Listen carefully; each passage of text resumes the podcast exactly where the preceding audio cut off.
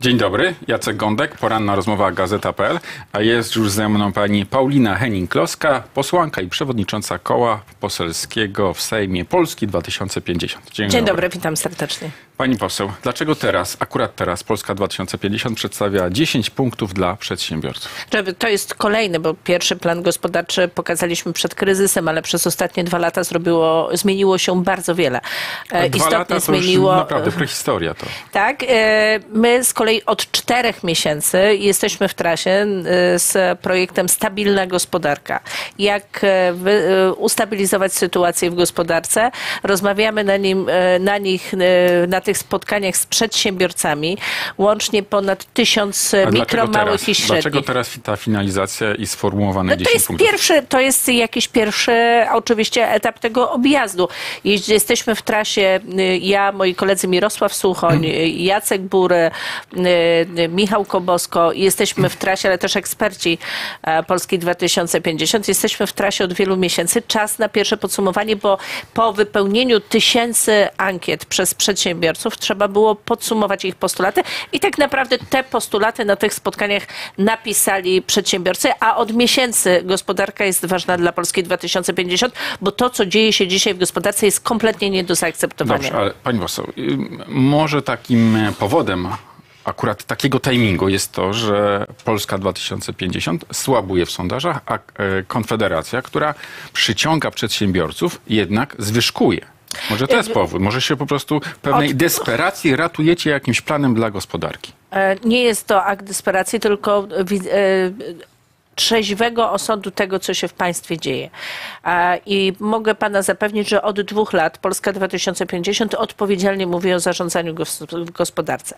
Odpowiedzialnie mówiliśmy dwa lata temu, prezentując plan e, dla gospodarki. Potem mówiliśmy Ale o tym, jak postawić energetykę na nogi. Mamy poseł, ogromny... Czytam te punkty. No i tam jest rzecz taka. Przyjazne zasady interpretacji podatkowych no to każdy jest w stanie napisać taki Nie, punkt. no to są konkretne Zwiększenie postulaty. skuteczności sądów gospodarczych. Okej, okay. proste przepisy dla mikrofirm. No złośliwiec po powiedział, dlaczego tylko dla mikrofirm? Może dla wszystkich firm, może dla wszystkich generalnie. Czy po pierwsze podstawowym naszym postulatem jest utrzymanie w ryzach podatków głównych. Idzie spowolnienie gospodarcze. Mamy za zeszły Ale rok to każdy Zaraz jest w stanie wymyślić taki postulat, nie podwyższajmy podatków przez te trzy lata. Dobrze, mogę, panie redaktorze? My mówimy wprost. Nie podwyższamy podatków. Przy hamowaniu gospodarki a, y, i przy deficycie, który zanotowaliśmy y, w ubiegłym roku, a rzeczywisty wzrost długu publicznego wyniósł 100 miliardów złotych. Ogromny dług publiczny, który przyrósł nam w ubiegłym roku, jest dowodem na niespinanie się finansów publicznych. Więc będą zapędy do podnoszenia podatków. My będziemy, będziemy hamulcowym. Nie pozwolimy podnosić e, głównych podatków. Oczywiście mamy postulat obniżenia obniżenia VAT-u sprzed kryzysu e, do poziomu 20 i 7% tych e, podstawowych składek, e, ale to jest postulat z czasów oczywiście stabilności finansowej mm. państwa. Natomiast e, my proponujemy też obniżenie składki zdrowotnej, która dzisiaj w zasadzie nie jest składką, tylko podatkiem zdrowotnym i duży na polskie firmy. I to jest nasz e, kluczowy postulat na odciążenie przedsiębiorców. Jeśli Natomiast jeżeli chodzi o te miejskie, to na przykład Sławomir sprawy. Mencen z Konfederacji też mówi, no to nie są jakieś postulaty, które byłyby szczególnie odkrywcze. Y, nie wiem, co jest odkrywczego ze Sławomira Mencena, natomiast my to mówimy od dwóch lat. Rozumiem, że on ostatnio się zainteresował gospodarką i ja w Sejmie od ośmiu lat mówię o odpowiedzialności A gospodarczej. Natomiast jeżeli chodzi konkretne o... projekty już ustaw napisane? Czy podług tych postulatów. E, tak, oczywiście one będą pisane. My systematycznie ma, składamy, systematycznie składamy y, y, cały szereg e, ustaw. Mamy ograniczone możliwości, bo pan wie, że mamy w obecnym Sejmie sześciu parlamentarzystów i wykonanie pracy, którą wykonuje 130-osobowy czy 230-osobowy klub, e, ciąży na sześcioosobowym kole. Dokładnie tą samą pracę musimy wykonać i na bieżąco zajmujemy się, na ile czas pozwala. Pracujemy również z legislatorami narodowymi rozwiązaniami. Natomiast pan mówi, że ogólnym postulatem jest na przykład zmiany dotyczące, żeby interpretacje podatkowe były przyjazne. To nie jest ogólny postulat. Dzisiaj w covid został wydłużony czas wydawania e, interpretacji podatkowej, a przepisy są coraz bardziej niejasne, niejednoznaczne, nieostre. Wręcz e, doradcy podatkowi śmieją się, że niektóre będzie można zinterpretować po pierwszych wyrokach sądu. Tak nie może działać prawo. Pani Więc poseł, my mówimy, że interpretacje muszą być wydawane szybciej i powinny móc z takiej interpretacji korzystać wszyscy przedsiębiorcy, którzy mają tożsamą e, sytuację finansową, tożsame otoczenie, a nie tylko ten, który składa wniosek o interpretację i zapłaci kasę państwu. Konkretny punkt. Y, Podatek VAT płacony wyłącznie od zapłaconych faktur. No już to gdzieś słyszałem. Donald Tusk też jeździ po Polsce i mówi dokładnie to samo. Znaczy, to jest postulat przedsiębiorców, jeden z ważnych, który ma poprawić płynność Ale przedsiębiorstwa. rzecz wydaje się dość Jeżeli- oczywista i tutaj jest pewna wspólnota chyba. No, No, nic- dziwnego, że jakieś wspólne postulaty między nami a innymi ugrupowaniami występują. Nawet dobrze, bo my będziemy chcieli, żeby ten e, plan był jakby takim minimum gospodarczym dla przyszłego rządu.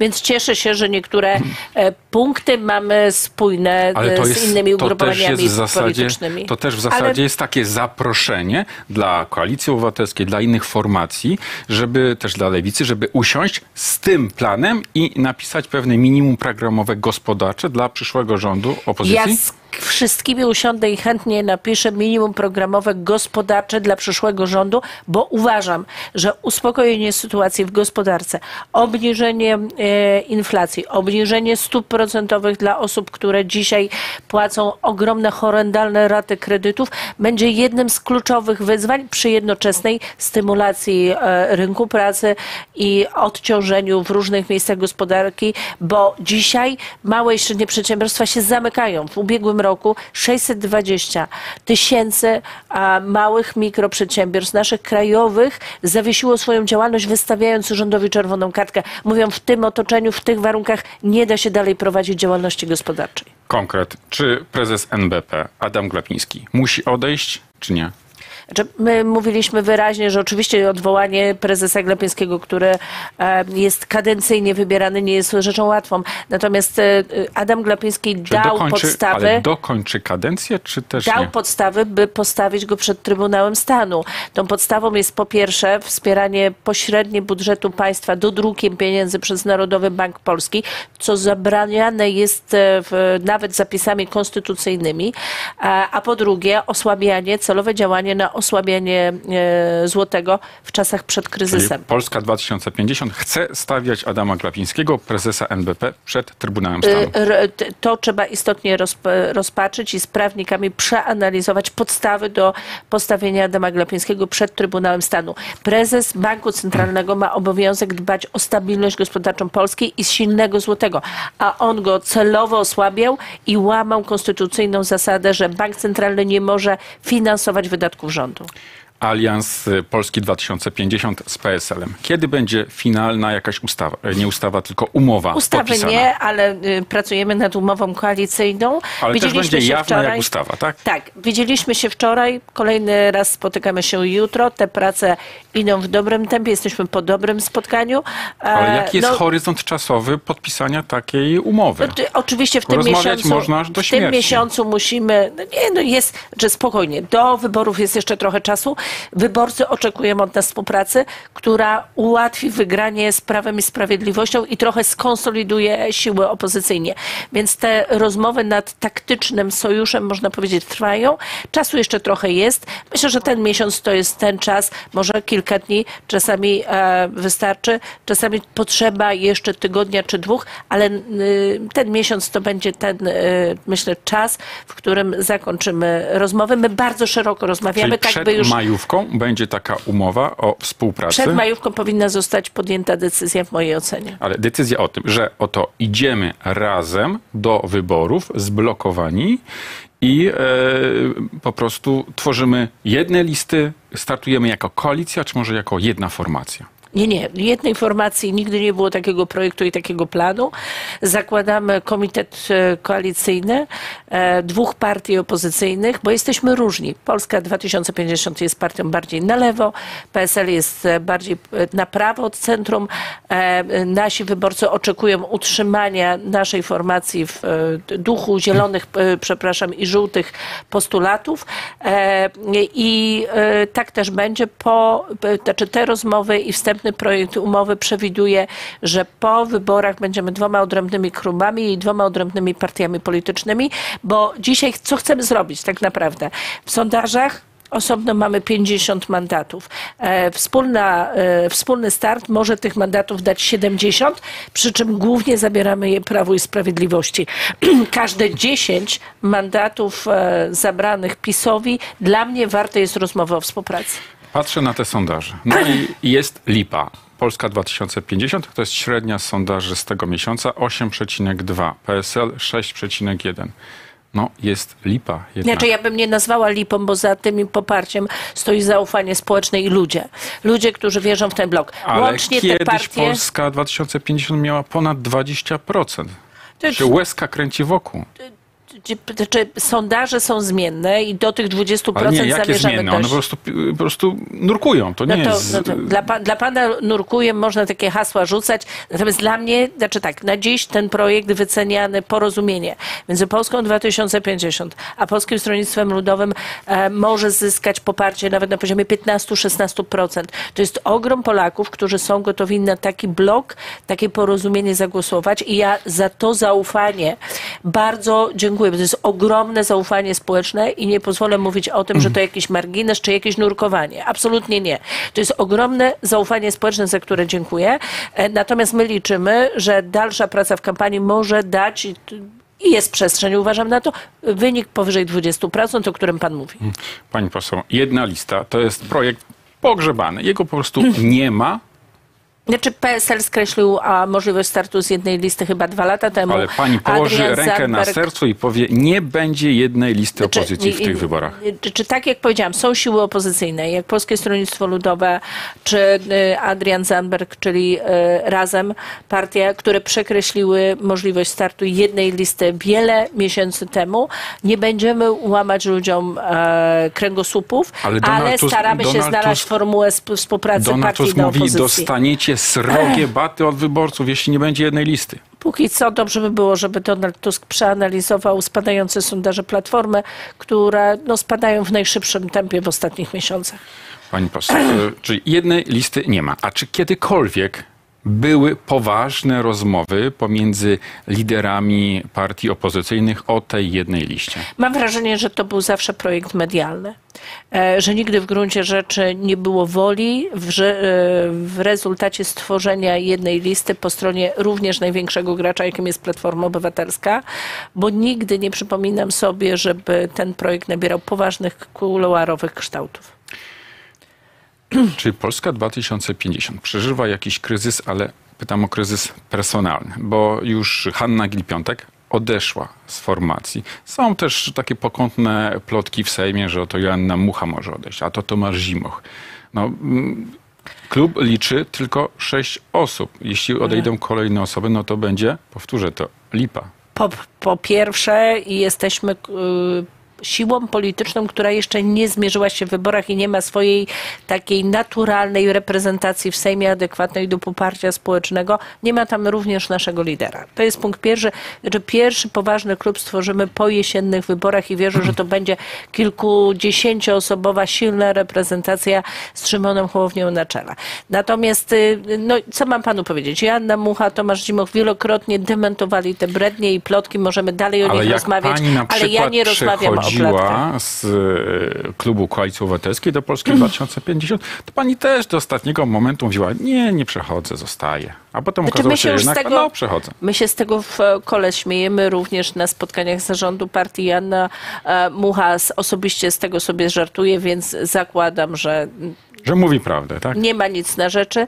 E, Ja powiem tak, e, dzisiaj naprawdę e, partie opozycyjne muszą szukać formuły współpracy, bo ludzie takimi dyskusjami o tym, kto odejdzie, od kogo, czy stworzymy jedną listę, albo nie stworzymy, albo kto się z kim pokłócił, są istotnie zmęczeni, dlatego szukają innego ujścia e, dla swojego poparcia politycznego, albo się chwilowo zawiesili. My naprawdę musimy dziś zmobilizować e, elektorat opozycji i to można zrobić tylko i wyłącznie mówiąc o problemach ludzi. To pokazaliśmy y, mówiąc o problemach w gospodarce, to pokazaliśmy mówiąc o problemach pracowników, prezentując projekt e, dotyczący chociażby służby cywilnej, gdzie pokazujemy w jaki sposób należy sprofesjonalizować państwo, również w tym e, obszarze podnosząc pensje ludzi. Więc to jest rzecz, na którym dzisiaj opozycja musi się skupić. Dalsze dyskusje polityków o sobie po stronie opozycyjnej doprowadzą tylko i wyłącznie do jeszcze większego spadku poparcia dla tych partii politycznych, które to robią. To jeszcze tylko jedno pytanie a propos spadków opozycji.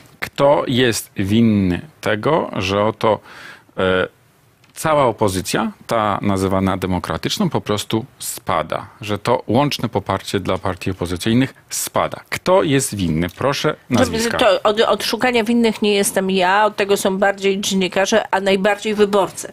Natomiast w gruncie rzeczy, Ale moim jeśli zdaniem, pani mówi więcej dyskusji o jednej liście, no, No, to będzie moim jeszcze gorzej. zdaniem- moim o zdaniem jednej tego- liście mówi Donald Tusk, zwłaszcza. Czyli pani ma to na końcu języka to nazwisko, Donald Tusk, ale nie chce pani tego Czyli powiedzieć. jeżeli dzisiaj coś zbudowało Konfederacja na przykład, tak, która zabiera platformie wyborców liberalnych, e, no to na pewno dyskusja e, o niczym. Dyskusja o listach, dyskusja o politykach, o układankach wyborczych i uwaga, wrzucanie wszystkich do jednego worka.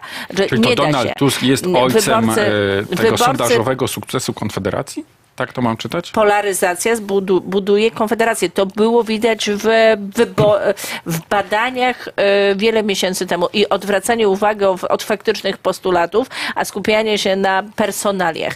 Że dzisiaj e, my byliśmy atakowani za to, że chcemy na przykład proponować referendum aborcyjne, podczas gdy e, Konfederacja przejmuje lewicowych wyborców, głosząc całkowity zakaz aborcji. Przecież jakby no, opozycja naprawdę musi przestać szukać wrogów tam, gdzie ich nie ma. Jak patrzyłem na sondaże, to około 10% wyborców Konfederacji deklaruje e, poglądy lewicowe. Ale zostawmy to. No, to ostatnio widziałam, że właśnie ta y, grupa urosła, chyba nie znając do końca prawdziwych postulatów światopoglądowych lewic, y, Konfederacji, która a. postuluje y, p, ustawowe zgodę na bicie dzieci, b.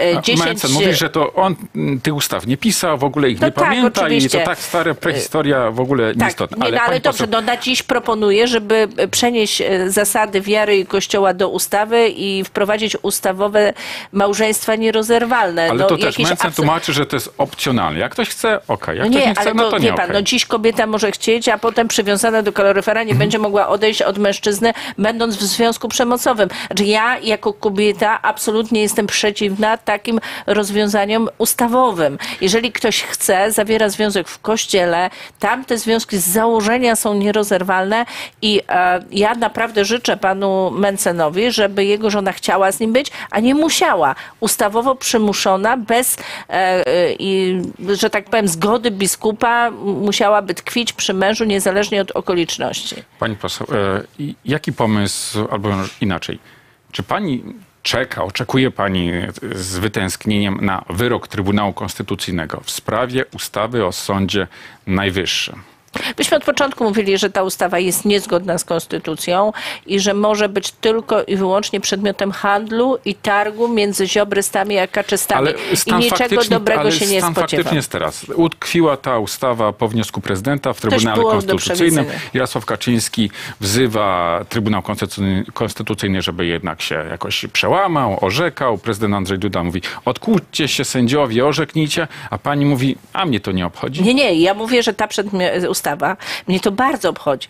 Dzisiaj e, Ale Polacy... czeka pani na ten wyrok, czy też nie? Dzisiaj Polacy potrzebują pieniędzy z Ale Krajowego to wszyscy Planu wiemy, ale Odbudowy. czeka pani na ten wyrok, czy nie? Ja przede wszystkim y, zauważam, że ta ustawa stała się przedmiotem targów o stanowisko prezesa Trybunału Konstytucyjnego między ludźmi Ziobry a Kaczyńskiego. No, To y, y, spowodowała opozycja, pchając tą ustawę do przodu i doprowadzając do tego, że ona mogła trafić do Trybunału Konstytucyjnego.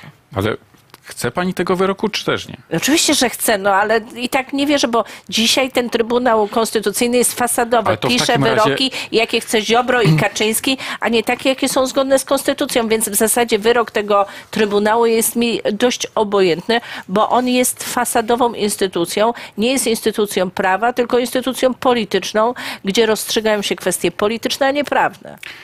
Zboże ukraińskie, które zalewa Polskę. Jaki pomysł e, ma Polska 2050, żeby rozwiązać ten kryzys, ale też pewnie kolejne kryzysy związane z innymi produktami z Ukrainy, które będą zalować Polskę i inne kraje Unii. Ale Po pierwsze, Polskę. nie, nie, nie jesteśmy totalnie gotowi do takiego otwarta, otwarcia rynku europejskiego na rolnictwo ukraińskie z prostego powodu. Oni dostali dostęp do tego rynku, a nie są objęci no, tymi samymi, co polscy rolnicy, obowiązkami i e, kwestiami, że tak powiem, nie tylko praw, ale też obowiązków. To, ale to jakie rozwiązania? E, Więc my mówiliśmy od początku, że należałoby rozpatrzyć zwolnienie i negocjować na poziomie europejskim e, zwolnienie e, zboża z cła, ale tego, które podlega tranzytowi. Tak? Można było takie rozwiązanie przyjąć. Również możliwość wprowadzenia systemu kaucyjnego, tak by to zboże faktycznie wędrowało przez nasz kraj i trafiało tam, gdzie ono jest potrzebne, a więc do Afryki i na Bliski Wschód, bo tam istotnie to zboże jest potrzebne. Czyli my mówimy tak, gospodarkę ukraińską, która zjechała o 30% trzeba wspierać, ale trzeba to robić mądrze, bo to zboże jest potrzebne nie tu w Polsce, ale w e, Afryce i na Bliskim Wschodzie. I tak naprawdę zabrakło porządnej organizacji tranzytu tego zboża, skoro e, daliśmy radę przywieźć do Polski e, przez cały ocean, przypłynął do nas węgiel, to również dalibyśmy radę wywieźć to zboże, ale faktycznie wymagałoby to pewnej organizacji na poziomie europejskim, bo dzisiaj zalew tego zboża, ale też innych produktów rolnych e, e, będzie e, dewastować rynki europejskie, nie tylko polskie. Ale założenie było takie, że to zboże faktycznie ma tylko przejechać przez Polskę, a tymczasem duże firmy, z którymi w jakiś sposób niektórzy politycy obozu rządzącego są Tak, słyszymy. powiązani. Te firmy kupowały to zboże w dużych ilościach. No i jest postulat. Na przykład Michał Kołodziejczak z Agrounii mówi, trzeba powołać komisję śledczą. Pan jest za, czy nie? Czy komisja śledcza dziś powołana nic już nie wyjaśni, bo Ale za parę wyborach? miesięcy zostało, zostało nam po wyborach, znaczy od rozwiązywania problemów i ścigania przestępców jest prokuratura i służby.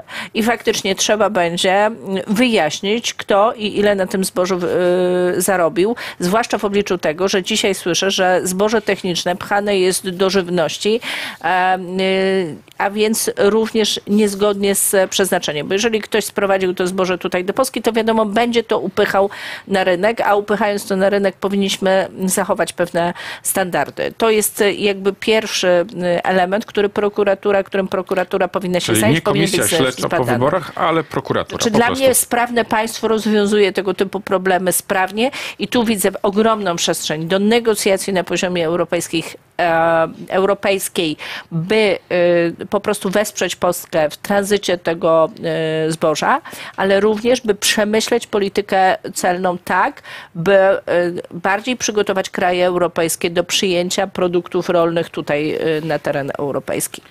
Paulina Henning-Kloska, posłanka i szefowa koła Polski 2050. Dziękuję pani za rozmowę. Dziękuję bardzo. Państwu również dziękuję i do zobaczenia.